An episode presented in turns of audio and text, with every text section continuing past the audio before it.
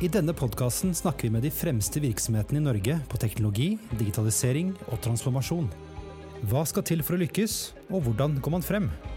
Du lytter til Teknologi og mennesker, en podkast av Athea og Oslo Business Forum. Da er vi tilbake med en ny episode, og vi er faktisk tilbake i studioet vårt. Mitt navn er Christian Brostad, og jeg jobber i IT-selskapet Athea. Eh, et tips, eh, husk å abonnere på podkasten, så får du nye episoder rett inn i podkastspilleren din. Det er lett å forelske seg i kunstig intelligens. Potensialet er stort, og det kan synes som alle problemer kan løses med AI. Samtidig utfordrer AI oss på flere områder. Ting kan gå galt hvis vi hodeløst kaster oss inn i denne AI-verdenen, og det tok jo faktisk 13-14 år før vi fikk på plass en regulering av personvern, men nå er vi heldigvis raskere på ballen med regulering av AI. Men nordmenn er bekymret. Ifølge en undersøkelse fra Nasjonal kommunikasjonsmyndighet sier over 40% av befolkningen at de er bekymret for hvordan AI vil påvirke samfunnet i fremtiden. I denne episoden spør vi om vi tar litt for lett på etisk AI, hva kan gå galt, og hvilke risikovurderinger bør du gjøre, og hvordan kan du gjøre etisk AI til en strategisk fordel. Se, gjestene ser litt skeptiske ut, men dette temaet er hot, altså. Og gjestene våre det er Leonora Onarheim Bergsjø, førsteamanuensis ved Høgskolen i Østfold og leder eh, Norsk råd for digital etikk. Og så har vi Petter Moe, teknologidirektør i Athea Norge. Velkommen til dere. Tusen takk. Takk, takk. Leonora, når jeg gjorde researchen her, så uh, dukket det opp en, uh, en, artikkel med en ganske fet uh, tittel. Uh, og Der sto det 'Håper AI og etikk blir sexy'. Har det blitt sexy å bry seg om etisk AI?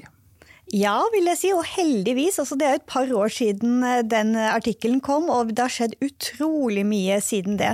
Norsk offentlighet har jo våknet opp, og det er jo særlig ChatGPT og problemstillinger rundt det som gjør at vi begynner å se på noen strukturer som har vært der lenge. Nemlig at kunstig intelligens får større og større påvirkning i livene våre. I hverdag og jobb. Mm. Og det å snakke om det, det er heldigvis kommet opp på agendaen, og jeg vil si blitt ganske sexy. Mm. Hva er ditt forhold til eh, sexy etisk AI, Petter? Litt usikker på hvorfor dere hadde akkurat over på det sporet, men eh, jeg tenker at vi ser et veldig engasjement, og vi ser at folk ønsker å jobbe med viktige ting. Og jeg tror at eh, folk, kanskje særlig ungdommen, også er opptatt av å jobbe med ting som er viktig. Ha en følelse av, av fokus. da. Og så kan du gjerne kalle det sexy hvis du vil det, da. Mm. Men, eh, men, vi ser det, ja. ja. og mitt inntrykk er at norske virksomheter er veldig opptatt av at vi skal lage løsninger som er gode for det norske samfunnet og for eh, bærekraftige løsninger og på kort og lang sikt. Så, så jeg opplever med veldig interesse nå som øynene er åpnet for dette feltet. Mm. Enig. Jeg nevnte jo innledningen her at uh, det tok jo 12-13 år før vi fikk personvern uh, ordentlig på bordet og regulering. Og så er det jo mange jeg øh, tror ikke jeg tar munnen for full når jeg sier at det er ganske mange som følte på kroppen at herregud, skal vi bry oss om personvern, kommer til å ødelegge tjenester, det blir jo i hvert fall ikke noe ut av. På, stopper innovasjonen når vi liksom også skal begynne å snakke om etikk, da? Ja, det, det, er jeg veldig glad for at du spør om, for dette er jo en bekymring som mange har. Mm. Og nei, nå må vi bare kjøre rundt og rundt i rundkjøringen og snakke om etikk, og ikke komme videre. ikke sant? Og, og der er det flere ting som er viktig å huske på. En av tingene er forskning på kreativitet viser at grenser det gjør også at vi klarer å være mer kreative. Ikke sant? Så det fins faktisk forskning som viser at innovasjon trives godt under tydelige grenser. Når det gjelder personvernforordningen, så, har vi jo sett at folk har vært litt redde for å utfordre de grensene som har vært. Vi har sett at det har vært mange praksiser som har vært preget av vi er redd for å gjøre noe feil, så da gjør vi ingenting. Mm. Sånn at dette er jo også, det er ikke bare lovgivers feil, det er også hvordan vi har valgt å tolke det. Og vi har masse eksempler fra norsk praksis, særlig i helsevesenet, hvor man har latt være å bruke det mulighetsrommet som jeg er opptatt av som etiker. Har, jeg tenker vi har en forpliktelse til å bruke den teknologien vi har tilgjengelig, til beste for samfunnet. Altså vi, er, vi er nødt til å bruke innovasjonsmulighetene som dette gir oss. Så, så det spennet som er mellom tilgjengelig teknologi og teknologi som er lovregulert, her trenger vi etikken for å diskutere hvor vil vi, hva er bra, hva er i tråd med virksomheten og samfunnets verdier. Jeg er helt enig. Og så er det jo flere aktører inne her. for det, Mye av det du snakker om, det er jo på dem som lager systemene og som, eh, som, legger til rette for hvordan data skal brukes. Men oppmerksomheten hos brukerne har jo også endret seg tror jeg, voldsomt eh, siden man begynte å snakke personvern. For nå er det jo sånn at eh, jeg tror man i gata føler at man blir overvåka av tech-gigantene delvis, og vil ikke være med på det, og syns det er viktig at noen står opp for det. Så den, de initiativene som kom da, for 12-13 år siden, er jo noe som nå får stor aksept. Og jeg tror det kommer til å gå mye fortere med AI. Der har vi jo årtida av science fiction å lene oss på med hvor galt det kan gå. Så, så, man ser liksom situasjonen komme mye fortere. da. Ja, og, og, dette som du snakker om nå er jo oppmerksomhet. Altså, dette, dette, har vært lenge, ja. men, men, vi har fått mer og mer oppmerksomhet på det. Og folk har kjent mer og mer på den uroen det er at uh, tech-gigantene registrerer uh, alt vi gjør, og, og, og, bruker det til å selge oss til produkter og tjenester. Ja. Og merk nå at jeg prøver å unngå sånne fryktord, ikke sant? fordi mm. dette er også en debatt som er veldig preget av krigsretorikk. Ikke sant? Det er angrep, og det er frykt, og, og det er overvåking, og det er forfølging. ikke sant? Mm. Jeg tenker, Hvis vi skal kunne bruke dette innovativt, så trenger vi å snakke om det litt edruelig. Som, som, som muligheter som kan brukes godt og dårlig. Jeg snakka med noen fra helsesektoren for ja, bare et par dager siden. Eh, og han pekte på det at det er jo et spenn her imellom eh, hvordan de som har ansvaret for å håndtere personvernaspektene innenfor helsesystemer, eh, utøver en makt som i praksis ofte går på å stritte imot på å ta i bruk en del systemer, og på hvordan det har hemma oss i forhold til å, å, å løse problemer og, og, hjelpe folk med faktisk ekte lidelser som er ute der. Eh, så han argumenterte for at det er viktig at vi balanserer det her på en god måte, og hittil eh, så er ikke han sikker på at vi har kommet ut riktig på det. Da. Vi har kanskje vært litt vel forsiktige med hensyn til, til hvordan vi har gått. Og hvis man ser på trafikk, f.eks. Norge har ca. 250 trafikkdøde i året. Hvis vi hadde mye mer selvkjørende biler, så ville det antagelig det tallet være vesentlig lavere. Noen sa 94% tror jeg av dødsulykkene i Norge skyldes åpenbare førerfeil. Altså rus, sovning eller mobiltelefon. Eh, AI gjør lite av det. Eh, hvis det er slik at selvkjørende biler reduserte ulykkestallene til en brøkdel av det vi hadde, hvordan kan vi forsvare at vi holder i rattet? Eh, må vi ikke insistere på å la bilene kjøre for oss? Mm. Og her er det jo også inne på dette med tillit. Kan vi ikke gi maskiner litt mer tillit når vi ser at de åpenbart kan løse noen problemer bedre enn vi gjør? Ja. Og, og, her ser vi jo hvor stor, stor, motstand det er. Ikke sant? Bare sette seg inn i en selvkjørende bil og la den kjøre av gårde. Eh, vil man det? Eh, hvordan skal vi løse teknologien sånn at sånn bilen kjører, oppfattes som etisk forsvarlig. Her er det, jeg vet ikke om dere har sett disse undersøkelsene om hvordan syns du en eh, selvkjørende bil skal oppføre seg? Eh, det har vært eh, En rekke år så har de hatt en stor undersøkelse på nett, hvor de har bedt folk fra veldig mange land i verden, millioner av mennesker over mange år, svare på dilemmaer. Hvis det skjer en ulykke, skal eh, sjåføren og de passasjerene beskyttes, eller de myke fotgjengerne, f.eks. Hva er etisk forsvarlig? Fordi med en gang vi begynner å gi teknologien mer makt, eh, mulighet til å kjøre oss rundt, så må vi også ta en rekke etiske valg. Hvordan vil vi at teknologien skal oppføre seg? Og Det er en viktig debatt. Men vi må jo se på det opp imot hvor stor gevinsten er. Eh, hvis det er slik at den at det dilemmaet oppstår to ganger i året da, ut av de 250, og du har spart 225 liv i forkant pga. Eh, selvkjørende biler, så er jo det også en faktor eh, oppi det. da. Helt klart. Jeg, Helt klart. Vi skal dykke ned i litt sånne eksempler etter hvert, men uh, jeg prøvde å finne ut uh, Vi har alle hørt ordet etikk. Men Uh, og, er, og, for meg da, så er hva som er moralsk riktig og galt osv. Kan ikke du rydde litt opp i hva, hva, er det vi egentlig snakker om her? Ja, det er jeg veldig glad for at du spør om, for dette, dette er jo et ord som slenges mye rundt. Mm. Og i veldig mange debatter så blir etikk nesten det samme som juss. Man snakker veldig fort om eh, personvern, og man snakker veldig fort f.eks. om transparens. Og transparens er jo ikke noe garanti verken for personvern eller etisk forsvarlig. Så når jeg snakker om etikk, så holder jeg hele tiden fokus på ja, men hva er det det handler om. Og det handler om å få et godt liv og et godt samfunn. Og når jeg sier det, så hører dere med en gang at dette er sosialt og kulturelt betinget. Vi bygger den norske velferdsmodellen på noen andre etiske grunnprinsipper enn de gjør i Kina f.eks. Mm. Og jeg har lyst til å si litt mer om det, for da blir det kanskje litt tydeligere hva som er etikk. Og eh, den etikken som vi bygger på, er en sånn klassisk vestlig modell, hvor det gode liv starter med at det enkeltmennesket har det godt. I Kina har de et grunnleggende annen eh, filosofisk tradisjon, hvor det gode liv starter med at samfunnet er harmonisk. Det betyr at enkeltmenneskets eh, ve og vel kan ofres på eh, samfunnets vegne, hvis det er nødvendig. Og det gode liv leves ut hvis du fyller forpliktelsene dine overfor andre mennesker. Det er en ganske stor forskjell. ikke sant? Vi er opptatt av eh, privatliv, rett til å bestemme over eget liv, rett til å ha det godt sånn som vi er og sånn som vi ønsker å ha det. Dette er annerledes i andre steder. Og samtidig som jeg sier dette, så er det ikke sånn at jeg tenker vi skal være relative når vi snakker om etikk. Vi har menneskerettighetene, som bygger på noen grunnleggende verdier om at hvert eneste menneske betyr noe. Og nå er jeg over på et ganske sånn filosofisk nivå, men, mm. men jeg syns vi må huske på at dette handler faktisk om menneskeverd. Når vi skal lage løsninger og bruke teknologi, så skal vi lage løsninger som støtter opp om menneskets verdi. Det er målet. Og så må vi snakke om alt imellom, hvordan får vi det til. Mm. Men jeg syns det er greit å, å, se litt opp og si ja, men det er det det handler om. Vi snakker om effektivitet og økonomisk besparing og sånn. Og så sier vi samtidig det skal ikke gå på bekostning av enkeltmenneskets verdi. Men når du setter de to opp imot hverandre, altså vestlig etikk imot kinesisk, eh, det er jo på en måte de samme aktørene som vi ser da, altså vestlig hovedsakelig ved hjelp av amerikanerne, og, eh, og kinesisk, der er det jo kinesiske firma. Føler du at den etikkmodellen som kineserne bygger på, er noe som blir representert av de virksomhetene og firmaene som agerer innenfor AI-området? Absolutt, og det er derfor jeg bruker akkurat Jeg kunne brukt andre eksempler globalt sett på forskjellige systemer, men jeg tenker det kinesiske er spesielt relevant for å forstå hvorfor personvern er så lite viktig i Kina. Og hvorfor eh, overvåkningen er så massiv.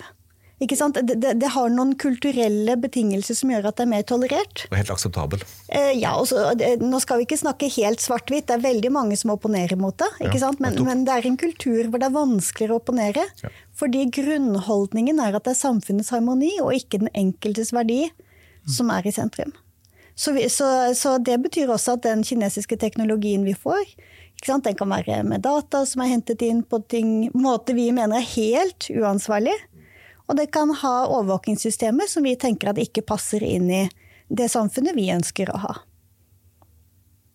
Og derfor, derfor har vi all den debatten rundt TikTok mm. osv. Mm. For eksempel, eh, TikTok er et godt eksempel fordi det brukes så massivt av så mange. Mm.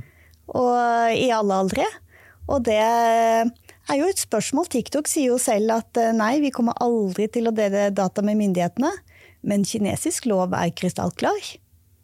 Er det etterretningsbehov, så skal det deles. Ja, for Det var egentlig det som var litt eh, det spørsmålet jeg prøvde å stille. Det er jo et spenn her kanskje mellom det kinesiske myndigheter går etter, i forhold til den underliggende kinesiske etikken som du beskriver. Da. Og vi havner jo i klemma mellom de to også. Absolutt. Og, og, nå er det jo ikke sant, Vi skal ikke snakke om Kina som én ting, men jeg syns det er viktig å huske på at det er noen nyanser her som vi fort glemmer når vi har en debatt hvor vi mener at personvern er en selvfølge. For det er det ikke mange steder i verden. Og personvern bygger jo på en etisk modell som, som igjen da tar vare på enkeltindividet primært. Mm. Men eh, risikovurderinger, da. Altså hvis du skal i gang med en eller annen AI-tjeneste. Um, og så tenker jeg at uh, Det høres nesten ut som at uh, i den vestlige verden så er det da enkelt å gjøre risikovurderinger. Eller er det ikke det? Fordi hva, Hvis det er min definisjon, da, som hva som er moralsk korrekt og galt, uh, som ligger til grunn, så kan, er det vel nyanser også i Norge, i Vesten, på dette hva som vi anser som akseptabelt? Absolutt, og der har vi et veldig godt eksempel fra pandemien. Appen Smittestopp. Der valgte jo myndighetene i den første versjonen å, å veie personvern eh, som mindre viktig enn det vi kan kalle samfunnsvern. Mm. Nemlig at data ble delt med helsemyndighetene og data ble delt med forskningen. Det blir gjort noen verdivalg som, som, man nesten kunne tro at den kinesiske regjering kunne gjort. Og hvor eh, Amnesty International dømte jo Norge nord og ned. De sa jo at vi var en av de mest personverninngripende Eh, hadde en av de mest personverninngripende løsningene sammen med Kuwait og Bahrain, altså en liste vi ikke vil være på. Fordi regjeringen i en krisesituasjon hadde, hadde gjort en verdivurdering som, som, ikke prioriterte personvern. Sånn at eh, eh de, denne type løsninger kan vi finne her også. Og, og når vi skal til tech-gigantene, så finner vi også at personvern kan være vektet mot inntjening eller eh, tilpassing av tjenester eller andre hensyn som gjør at vi får kjempegode, enkle, behagelige løsninger hvor personvernet ikke er så godt ivaretatt. For Du snakka om personvern som en vestlig verdi, men det er vel rettferdig å si at det er ikke nødvendigvis noe som blir strengt håndheva av de fremste teknologibærerne på vestlig side heller? Ja, Vestlig blir jo nesten for enkelt, for her må vi også snakke om Europa og USA. Nettopp. Hvor det er forskjellige tradisjoner. Og hvor EU har valgt en mye strengere linje. Med, og det er det politiske og lovmessige grunner til, enn USA. Sånn at, sånn at, dette bildet er jo nyansert, men det vi har sett i Europa, er jo at selv med den personvernlovgivningen, så er det jo ikke så lett. Og du Christian, snakket jo om etisk risikovurdering. Det må jo gjøres da i et ganske vanskelig landskap. Og her er det jo vi jobber for å finne noen, noen verktøy da, som, som, alle fra utviklere til ledere kan bruke for å gå inn i disse litt vanskelige samtalene om hva slags teknologi vil vi ha, og hvordan kan vi få det til. Mm. Eh, Petter, tenker på en ting. Eh, du er jo i dialog med ganske mange virksomheter i løpet av ei uke. Eh, snakkes det om etikk? Snakker man om disse tingene er kundene opptatt av det, eller så er virksomheten opptatt av det? Jeg tror Per nå så er veldig mange opptatt av å finne ut hvilken retning AI tar dem, og hva som skjer både på kort og lang sikt. Så jeg tror per nå da, så er primærfokusen eh, er nok ofte å finne ut eh, hva kan vi bruke det til. Mm. Mange ser jo på kortvarige effekter. Nå har vi akkurat fått ut Copilot, f.eks., som vil tette mange sånn hvitsnipp Eh, type funksjoner i stand til å arbeide mer effektivt. Man er opptatt av å ikke miste fordelen ut av det. Eh, folk ser på hvordan man kan bruke store data. Eh, jeg tror nok at en, en ganske stor del av oppmerksomheten ligger på den sida, hvis du ser helt bredt på det. Men det er jo veldig sektoravhengig. Fordi vi jobber jo opp imot forsvar, helse og politi ganske mye. da. Og de har jo alle spesielle ønsker, krav og behov innenfor det området. Da. Så I det sektoren så er man jo veldig opptatt av, eh, av aspektene av, eh, av AI, da, som fort toucher inn på etikken også. Mm. Jeg satt og tenkte på det, eh, for vi sa jo noe veldig filosofisk i sted om etikk. Eh, når du snakker med virksomheten der ute, hvordan, hvordan, er deres forståelse av det etiske? Hvordan kommer det frem? Det i, i, ligner det på det jeg sa, eller er det helt annerledes? Jeg tror de fleste forholder seg mye til eh, regelverk. Ja. Hva man kan og ikke kan, og er, hvilke muligheter som ligger i det. Mm, At det er mm. det som er den operasjonaliseringa av etikken. Mm. Uh, og det kan du si at Hvis du er en norsk virksomhet, så det er kanskje en, en, pragmatisk og fornuftig måte å gjøre det på også. fordi Å sette seg på den høye hest og begynne å snakke etikk og eventuelt moral, det er liksom det er vanskeligere å omsette det i en produktplan. Mm. Ja. ja. for ofte snakker vi om ansvarlig kunstig intelligens, som ja. da er ikke sant, sikker, ja. eh, lovlig og etisk. Også for sikkerhet og lovlighet kommer først, og det må det. Og så er det litt usikkert hva som er det rommet, da. Og man kan ta etiske vurderinger. Hva er igjen når det er lovlig og sikkert et system? Og så er det sånn at Mange av våre kunder er jo i et rom hvor man utsettes for konkurranse. sånn at uh, Regler er viktig, uh, fordi at det legger begrensninger for hva du kan gjøre, men også fordi at det legger begrensninger på hva dine konkurrenter kan gjøre. Mm. Uh, sånn at det også ligger i å utnytte det rommet man har uten å gå utover det, er jo den banen man kan spille på. Da. så Derfor tenker jeg at det blir så viktig at at den operasjonaliseringa som ligger i regelverk, faktisk blir gjennomført på en sånn måte at den blir styrende for hva folk kan og, og skal gjøre. Mm. Et eksempel på det, det, rommet er jo bruk av generative AI-bilder. Ja. For der er det jo uavklart hva som er lov og ikke lov. Og, og så kan man ta et etisk valg og si at disse er uansett stjålet, så vi velger å ikke bruke dem. Eller man kan Eh, et, eh, legge vekt på loven og si at det er så uavklart at vi tenker det er praktisk og greit, og det er dessuten billig og effektivt. Mm. Ikke sant? Mm. Sånn at Det er et eksempel på hvor teknologien har gitt noen muligheter, og så er det uavklart hva som er eh, lovlig. Ja. Og så er det jo det er mye pågående rundt graden av stjålet. Sant? fordi Er man inspirert av, eller har man stjålet korpus, tekst i store mengder? det er jo det er mye som ikke er helt åpenbart der enda heller, da. Ja, og som kanskje ikke kommer til å bli avklart. ikke sant? Sånn at eh, man må også ta noen valg på ja, hva tenker vi at det er så viktig at det tar levebrød fra kunstnere, eller finnes det et rom videre som gjør at det er etisk forsvarlig å fortsette å bruke også KI-genererte bilder? Kunstnere gjennom årtusenene har jo latt seg inspirere av andre kunstnere. Alltid. Så det, det må jo være lov. Det er jo direkte stjele det stor skala og kopiere det. Eh, har man også drevet med i enkelte tider. Da. Det var mange av de store mesterne som begynte på med det, da. men det er noe som vi antagelig ikke ønsker. Så å finne ut hvor den grensa mellom rødt og blått går, så graden av lilla eh. ja, ja, og dette med ikke sant, ja, hva, hva, med jobbene? Det er jo mange bekymret for. ikke sant? Det, gjør det at man nå ikke tar, har reklame, reklamebyråer lenger, så er det en bransje som eh, har et problem. Og, og vi gjør noe med samfunnssystemet sånn det har vært lenge. Og det er jo noe av det etikken handler om, nemlig å vurdere konsekvenser på kort og lang sikt. Mm. Eh, eh, Leonora, eh, etiske risikovurderinger jo, høres jo fryktelig vanskelig ut. Hva, hva, hva gjør man, liksom? Kan det være liksom praktisk i forhold til det? Ja, ja det, det, er viktig. Og det vi har akkurat nå, er jo etiske retningslinjer. Og de etiske retningslinjene er så vage at veldig mange sier at vi klarer ikke å bruke dem. Så etisk risikovurdering er en operasjonalisering av de retningslinjene som fins.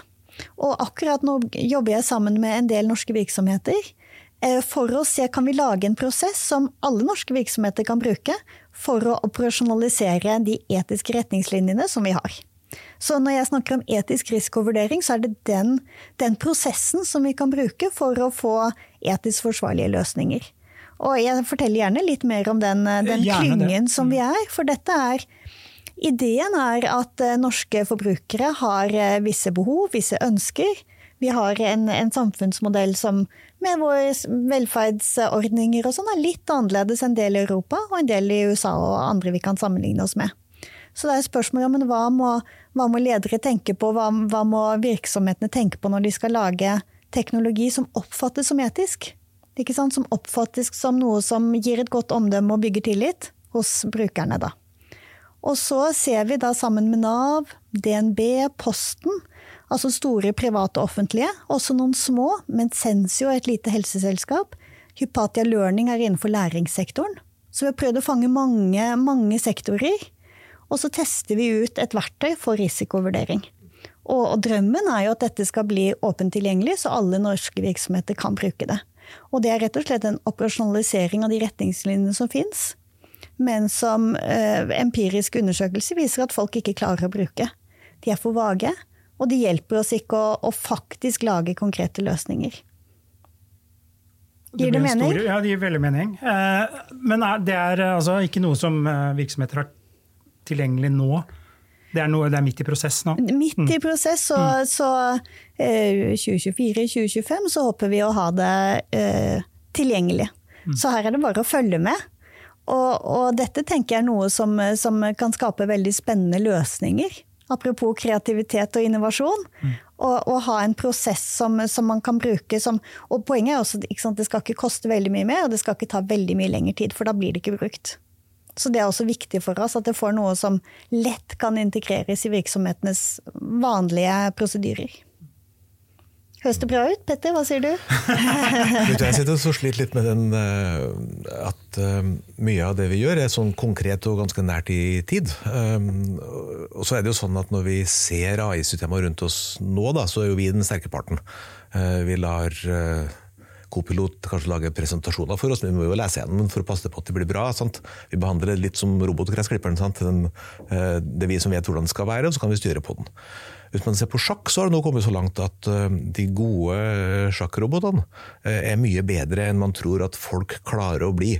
Sånn at når de virkelig gode sjakkspillerne skal trene seg, så spiller de av og til mot, mot de aller beste sjakkrobotene, for da blir de utsatt for trekkmønster som folk aldri har kommet på.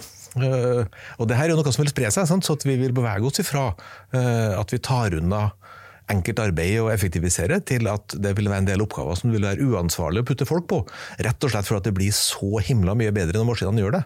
Eh, at det, at det vil være det er dem som må gjøre det, egentlig. Og det endrer jo liksom i forhold til hvordan vi interagerer med systemene og hvilke retningslinjer vi gir dem. da. Det rommet er jo mye større det som er lett å tenke på som skjer i morgen. Da. Så hvordan fanger dere opp det? Ja, altså, jeg tenker at akkurat nå brenner det her og nå. Ja. Altså, altså, vi lager løsning som, som trengs nå. De, eh, vi ser jo når vi ser hvor mye som faktisk er integrert i norske virksomheter, vi er jo ikke, er jo ikke, vi er jo ikke veldig langt.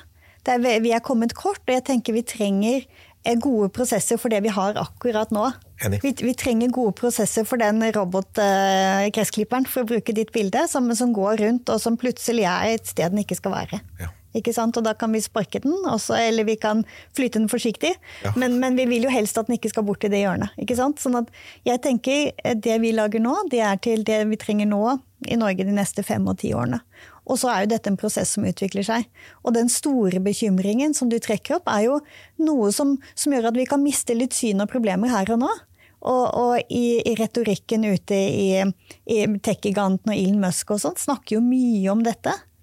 Samtidig som man med andre hånden utvikler teknologi som skal lese tankene våre. Altså Det er et spenn i retorikk og, og praksis som, som, man kan bli litt skremt av og, og, miste litt mot av. Derfor er jeg veldig opptatt av å snakke om ja, men hva har vi her og nå mm. i norske virksomheter. Problemer vi kan løse.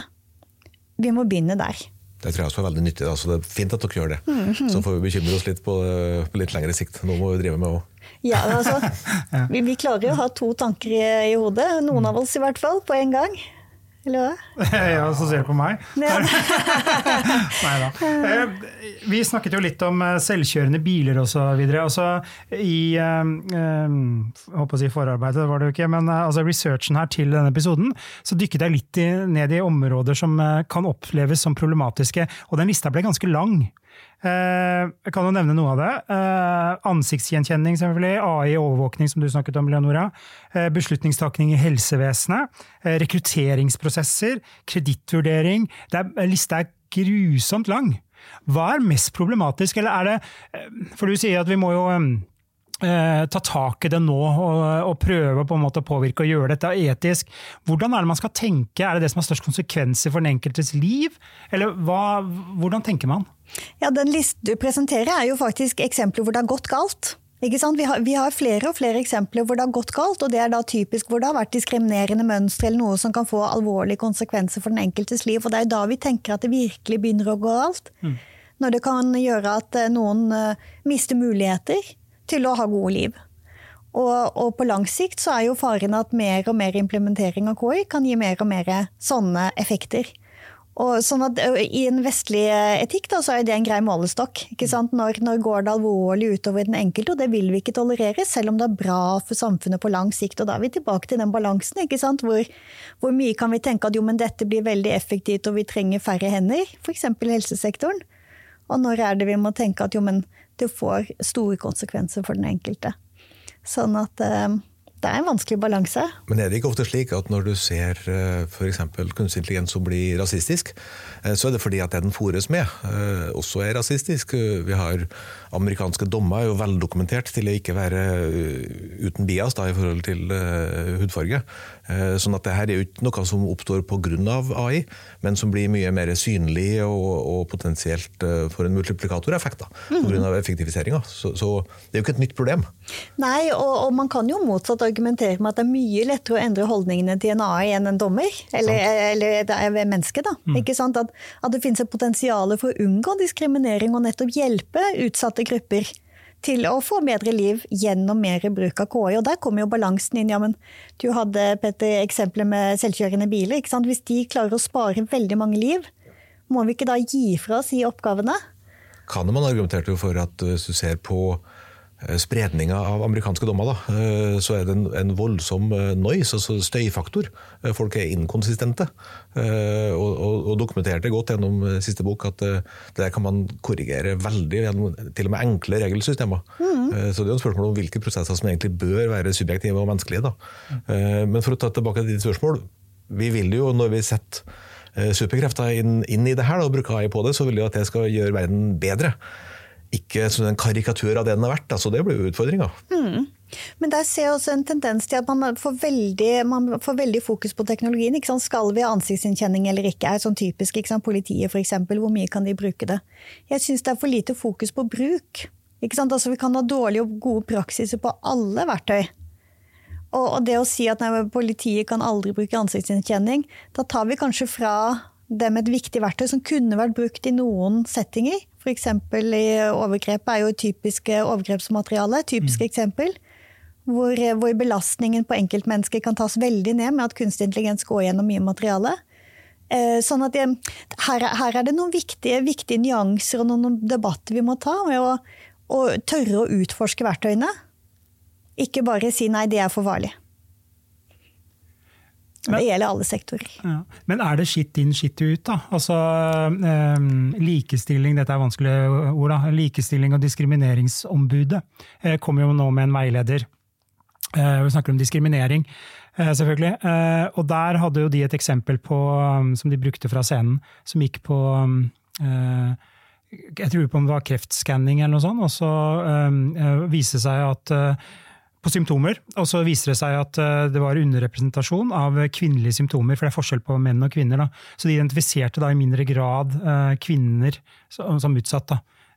Så er problemet det vi putter inn, da. Så hvis vi hadde puttet inn noe, noe som var etisk riktig, så hadde, hadde, vi ikke hatt den diskusjonen. Er det så enkelt? Det er i hvert fall en veldig stor faktor. Ikke sant? Eh, man blir det man spiser, og det blir algoritmene òg. Det, det, å få vasket det godt nok, det datamaterialet, det er en stor oppgave. Det er derfor eh, denne veilederen som du nevner, er et veldig godt verktøy. Eh, det den baserer seg på, er jo lov. Da er vi tilbake til lov og ikke mm. etikk. Men, men, selvfølgelig er det en konkretisering av en etisk idé om at vi ikke skal diskriminere. Og det å gå inn i alle faser som de gjør i den, fra planlegging via eh, innsamling av data og til eh, testing etterpå og tilsyn videre. Vi, vi må tenke bredt. Det er ikke nok å tenke data inn. Mm. Det er godt, så da er det greit. Vi må se på hele livssyklusen, og det gjør den veilederen. og det, det er sånn vi er nødt til å jobbe med disse komplekse problemene. Og sånn sett så kan du jo snu den eh, historien din. Da, for sånn som du forteller den, så høres det ut som AI er skurken. Fordi at den ikke, opplever, at den ikke klarer å diagnostisere kreft hos kvinner. Mm. Eh, kanskje det er tvert imot. Pga. at man har fått eh, den krafta som det har gjennom en AI-modell, så har vi avklart en underliggende bias som kommer fra systemet under. Eh, så den har satt lyset på og vist at systemene ikke er likestilte. Og da har vi muligheten til å fikse det. Jammen bra at man gjorde den, eh, den AI-en. Det er veldig positivt sagt, da. På en fredag. mm. men ikke sant, det, det å, å, gå igjennom og, og, ikke stole blindt på tek teknologien, men, men, gi den eh, mulighet til å, å, hjelpe oss, er jo det vi snakker om nå. ikke sant? Hvordan kan vi få mest mulig ut av den teknologien som, som vi etter hvert har tilgang til. Og, og, her har vi jo nå fokus på Norge, men tenk hva en kan gjøre i India, hvor det er få leger, for å få gode diagnoser til veldig mange flere, f.eks. Eller jeg vet det er brukt i rettssystemet i Kina for å få mer likhet i systemet. Også veldig positivt. ikke sant? Så, så det er masse muligheter her. Og så er jo alltid spørsmålet om hvor stor risiko er vi villige til å ta for at det kan ramme enkeltmennesker, hvis det kan hjelpe veldig mange. Ikke sant? det er det etiske dilemmaet oppi her. Og som Smittestopp som jeg hadde i sted, var et sånt eksempel på det. Hvor man valgte et samfunnsvern og ikke personvern. Og så, ble stoppet, da. Så er det jo ikke bare i, i, India hvor det mangler leger. Det har vært en del oppmerksomhet i det siste rundt en, uh, benbruddsystemet som er innført på Bærum sykehus i august i år. Så da har man implementert et AI-system som gjør at du får inn røntgenbilder, og så er du stand til å se om det er benbrudd eller ikke på ca. et minutt. Før så satt man ca. en time for å få tatt bilde, og så satt man to til tre timer for å vente på legen. Nå setter du fortsatt en time for å ta bilde, eh, og når du er ferdig med å ta på buksa, så vet du om benet er brutt eller ikke. Eh, og det er jo, Jeg hørte noen tall om hvor mange timeverk Bærum sykehus sparer på det, men de skal ikke sitere, for de er så store at jeg trodde ikke riktig på det. Men det er i hvert fall det er voldsom besparelse. Fungerer over hele landet, sant? uavhengig av tilgjengelighet og alt sånt. Frigjør flere varme hender, legekompetanse. Mm. Også i i Norge. Mm. Ja, det er et veldig godt eksempel på, på et eh, tilsynelatende lite grep som får store, veldig positive ja. konsekvenser for flere grupper. Både pasienter og pårørende, og selvfølgelig også arbeidstakere. Det er mitt lokalsykehus, det er så, jeg syns det er veldig bra at de starta der. da bor de i en heldig, heldig landsdel. Sant. Mm. Men det er jo like heldig for de andre, sant? fordi det her er uavhengig geografi. Hvis du er langt unna Eh, de mest kompetente legene, så vil det jo funke like godt her. Mm. Og det er jo, Man bare håper de rulles ut fort, mange ja. steder. Det har de planer om. Veldig bra. Veldig bra. Leonora, eh, hva er ditt verste eksempel på liksom, si, etisk knefall her? Hva er liksom det verste du har hørt? Å, det var et fantastisk spørsmål!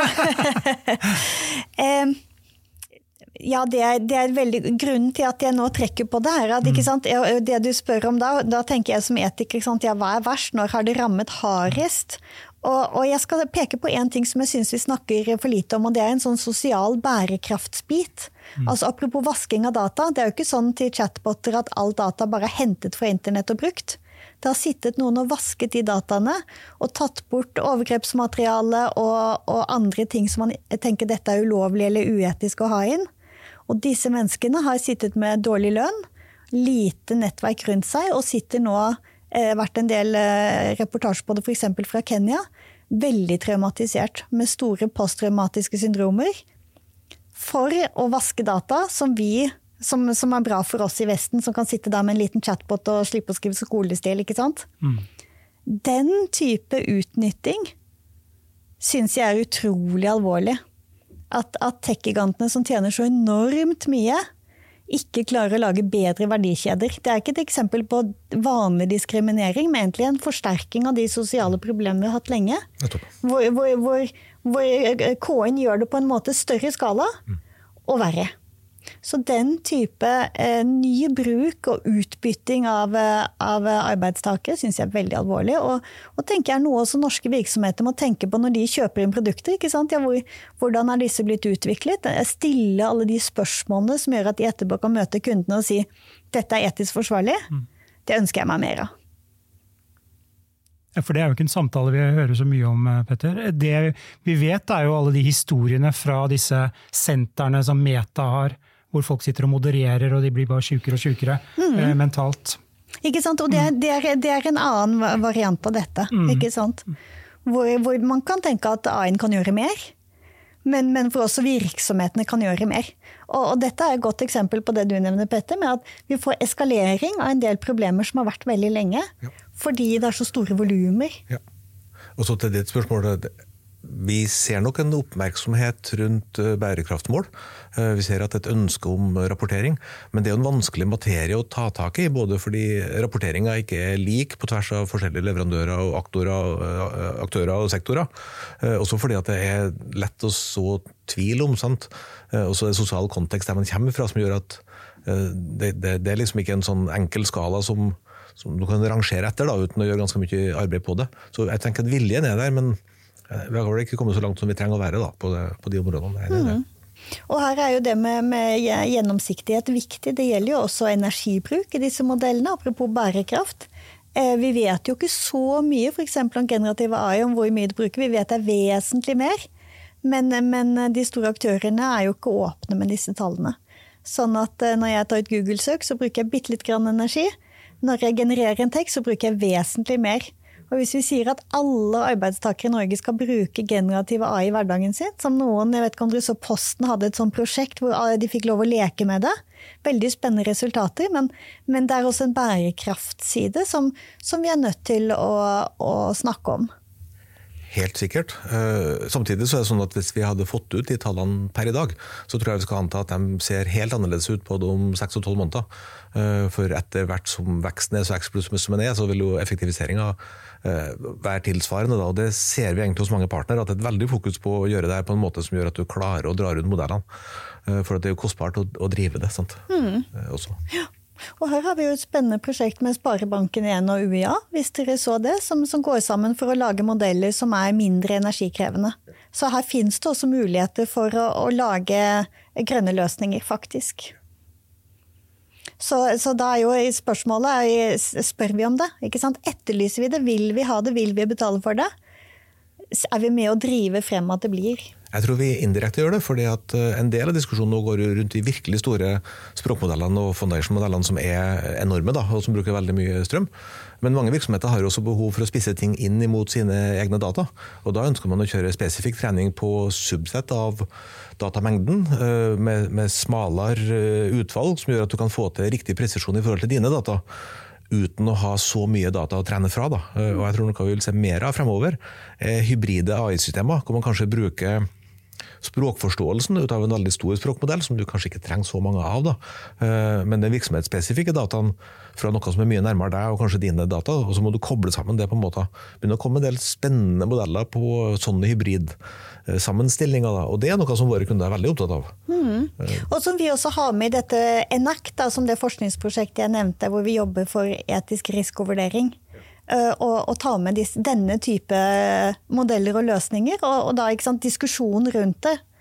Hvordan får vi det som er best for oss, og, og mest mulig ansvarlig. Mm. Tilbake til det prosjektet. Hvilke problemer, for nå, nå jobber dere jo med det. Hvilke problemer er dere støter på? Ja, det er jo ikke bare rett fram her. En av de viktige spørsmålene vi har, er hvordan kan vi lage dette en slags rapporteringslinje, eller noe som faktisk øh, overvåkes over tid. Da, ikke sant? Skal ledelsen ha det, eller hvor skal vi legge ansvaret sånn at det blir gjort? Fordi det er veldig mange som sitter der og opplever at min jobb er å gjøre det raskest mulig, enklest og billigst, og da må jeg gjøre bare det som brenner mest. Mm.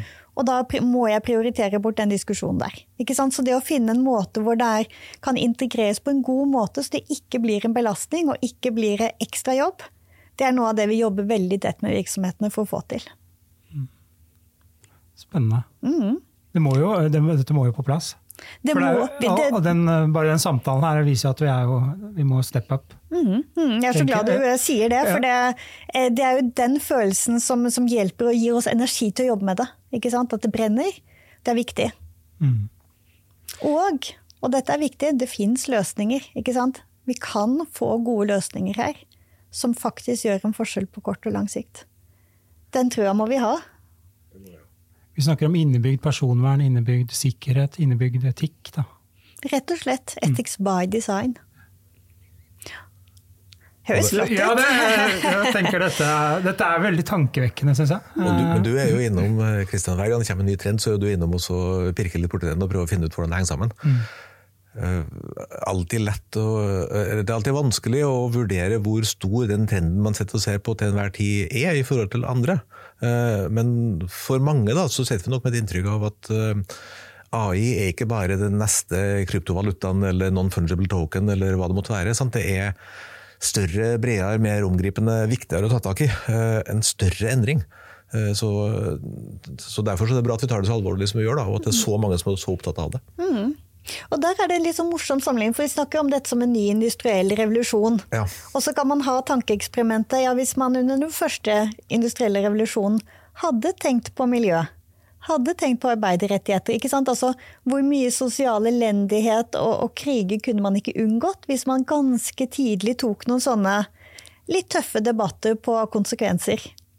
Det vi så da, var jo industriherrer som tjente enormt mye og, og, og, brukte det de kunne av naturressurser og menneskelige ressurser. Så hvordan kan vi nå gjøre noe sånn at man om 200 år ikke har skapt et nytt problem? Det er sånn, litt sånn tankevekkende sammenstilling. Så er det jo også sånn at hvis du går tilbake til jeg tror jeg så noen tall for 1860, så var 95% av klodens befolkning eh, svært fattige. Eh, og nå er det tilsvarende tallet langt under ti.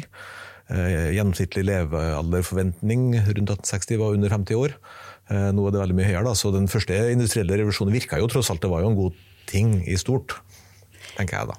Ja, og det er et viktig perspektiv. Det er lett å tenke at det var bedre før. Og undersøkelser viser jo at alle til enhver tid har sagt at det var bedre før. Ja. Og det har sjelden vært sant. Ja, enig. Mm. Vi må bare passe på at det også er sant. at det, det blir bedre. Ja. mm. uh, må, jeg føler vi må rydde litt, fordi at uh, Du har jo snakket om uh, Leonora, liksom, sosial rettferdighet var liksom det verste eksempelet. Som, hvilke etiske prinsipper må vi ha på bordet da? Hvis du liksom kunne gitt oss noen, noen dette, er, dette, må du i hvert fall tenke på. Mm, mm. Eh, da skal jeg ta det store jeg nevnte i sted, menneskeverd. Mm. Er det noe som vil eh, gjøre at noen eh, blir mindre verdt i det store sammenhengen? Ikke sant? Er det en løsning, f.eks. jeg brukte jo den, den, en, en, gutt fra Kenya da, ikke sant? som har fått livet sitt ødelagt fordi han har gjort en jobb for Meta. ikke sant? Eh, er, er det den type teknologi vi vil bygge opp. Altså At man rett og slett tar det ene store spørsmålet. Går dette utover menneskeverdet til den enkelte, eller ikke?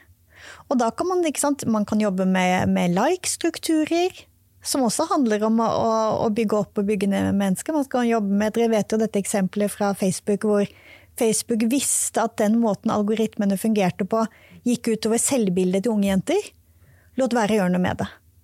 Ikke sant? Så å spørre etter den strukturen, går dette utover? Om veldig mange tilfeller vil jo svaret være nei. ikke sant? Trafikk, værdata, veldig mye av det norske virksomheter er jo svaret nei. Men å stilt det spørsmålet og kunne si dette er VG-testen, ikke sant? Nei, det går ikke utover. Det har vi undersøkt. Det kan vi dokumentere. At man går den runden med det grunnleggende spørsmålet, støtter det opp om ideen om at alle mennesker er like mye verd. Gir det deg en knagg, Christian? Ja, det gir meg en knagg. Jeg tenker også lytterne trenger knagger. Ja. Um, diskriminering um, er jo uh, et stort problem. Um, hva, hva, hvilke spørsmål stiller man seg da? Er det tilsvarende det du nevnte i stad, eller er det Altså, Du kan jo si at diskriminering også vil gjøre at det går utover. Mm. Så, så, det vil typisk lukes ut. Men, men, et konkret tips er jo å ta med de som skal bruke produktet eller tjenesten. ikke sant? Sånn at du får det medvirkning og, og stakeholdersene til å komme inn og se mm. er det noe som faktisk hjelper. Og at den gruppen f.eks. har nok mangfold da, til at du vil kunne forebygge diskriminering. Mm er sånn en måte å jobbe på, da. Det er jo inclusive design, dette er jo ikke noe nytt.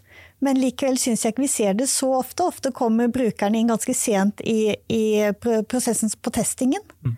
Og ikke i, på idéstadiet. På et tidlig stadie oppi opp i datamaterialet, f.eks. Mm. Så det er også en måte å forebygge diskriminering på. Og Som et generelt fenomen så er det ofte sånn at vi eh, er ganske dårlig til å forutsi hva som blir effekten av ting vi bygger og ting vi gjør. Eh, så heller enn bare å bygge analysen på det vi tror i forkant, da. Eh, bygge inn den kontrollloopen som gjør at du går tilbake og stiller spørsmålet nå har vi implementert løsning X. Er det faktisk slik at den gjør det vi trodde, og har noen uventa sideeffekter som vi burde korrigere før vi går videre? Mm. Jeg tror det er en, en, korrigerende struktur som alle burde ha på plass. hvert fall. Uavhengig av det her, det her har å gjøre med smidighet, som vi har prata om før, og, og tilnærminga til det. Da. Men jeg tror det blir ekstra viktig når du jobber med så sterke virkemidler som det her er. Ja, og, da, og det, Jeg snakket jo om stakeholders, men det å jobbe tverrfaglig er jo kjempeviktig. ikke sant? Her må jurister og teknologer og etikere og samfunnsvitere vi, vi, er nødt til å ha mange stemmer inn, for vi ser litt forskjellig alle sammen. Vi er kjempegode på ca. én ting, ikke sant?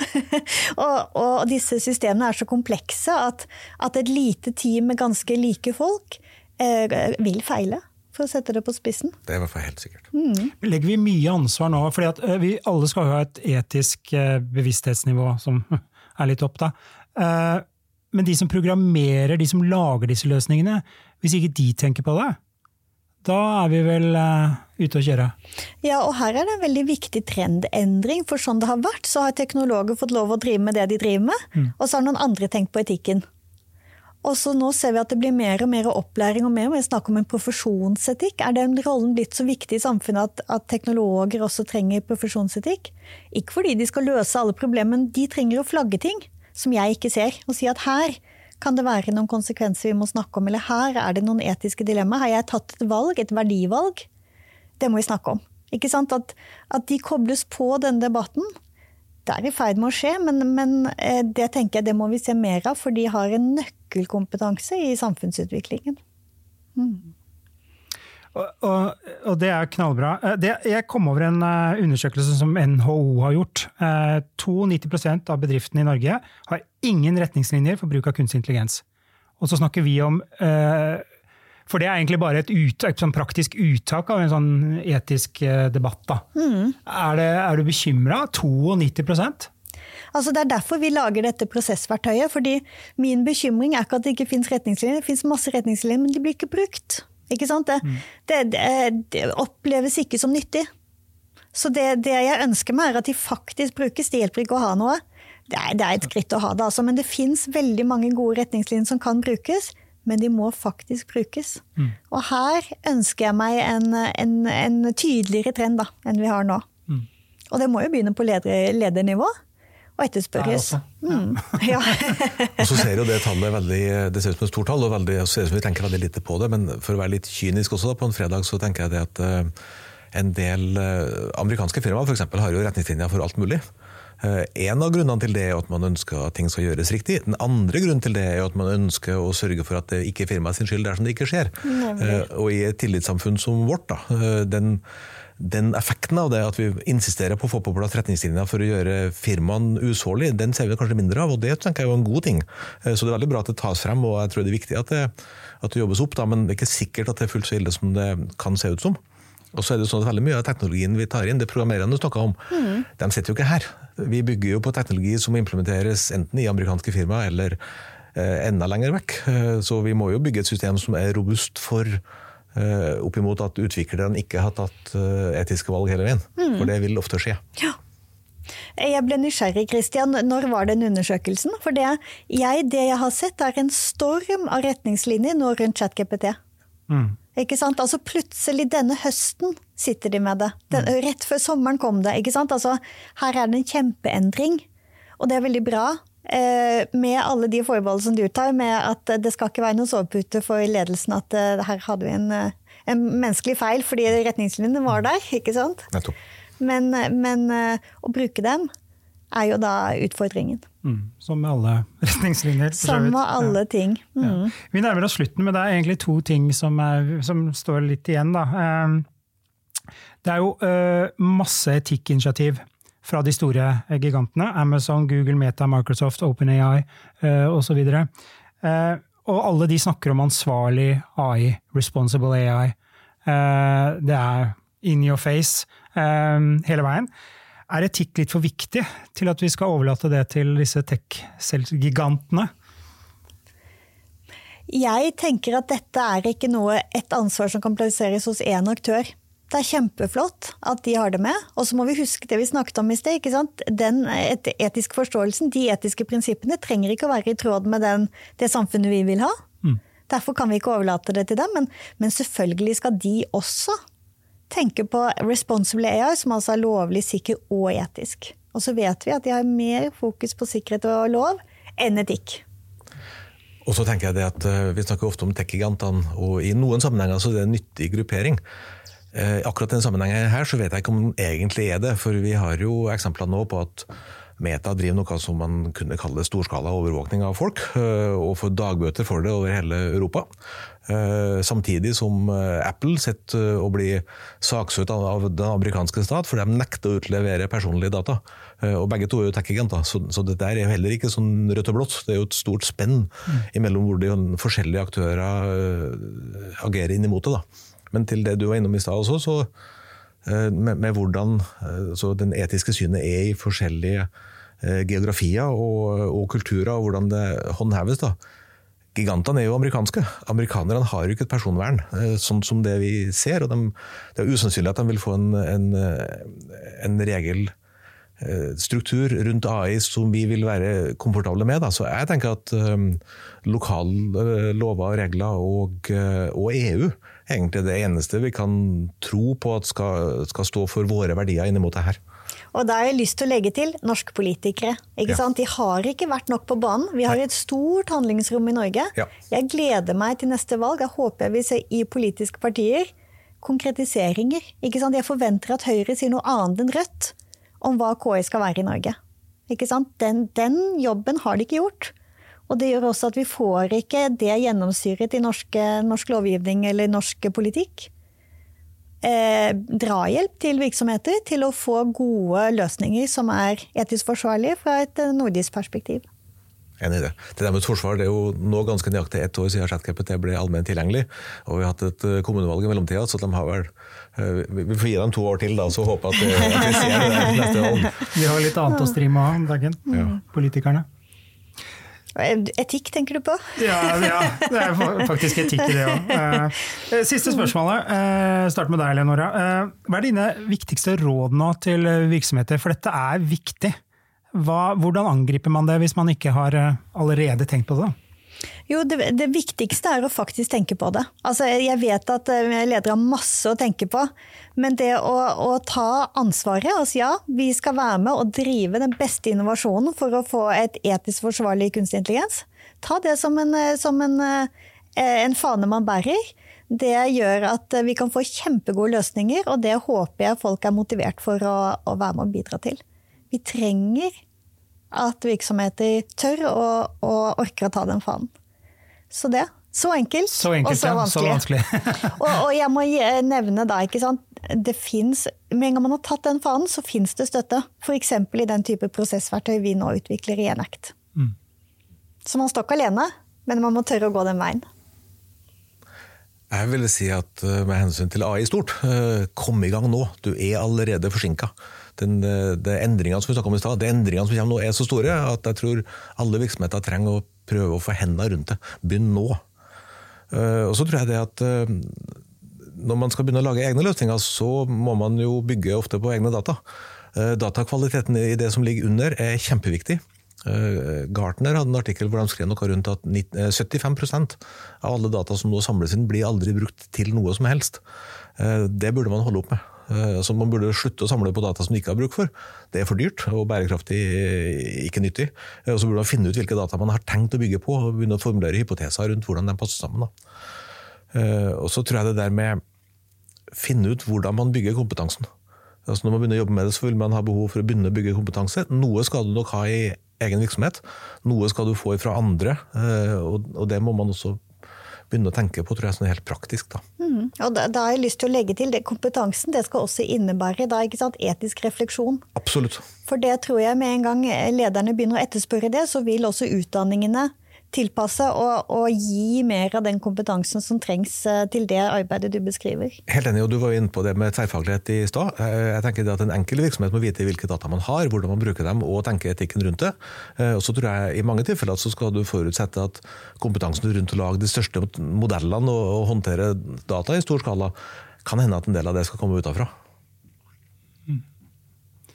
Så forhåpentligvis så vil jo dette gi en litt sånn tenne et lys da, hos eh, flere av lytterne våre også, for dette er viktige problemstillinger. Og vi kan ikke bare skyve det under et teppe eller inn i et skap. Dette må frem. Hør, hør. Hør, hør. Så Leonora og Petter, tusen takk for at dere kunne være med, og tusen takk til deg som har lyttet på.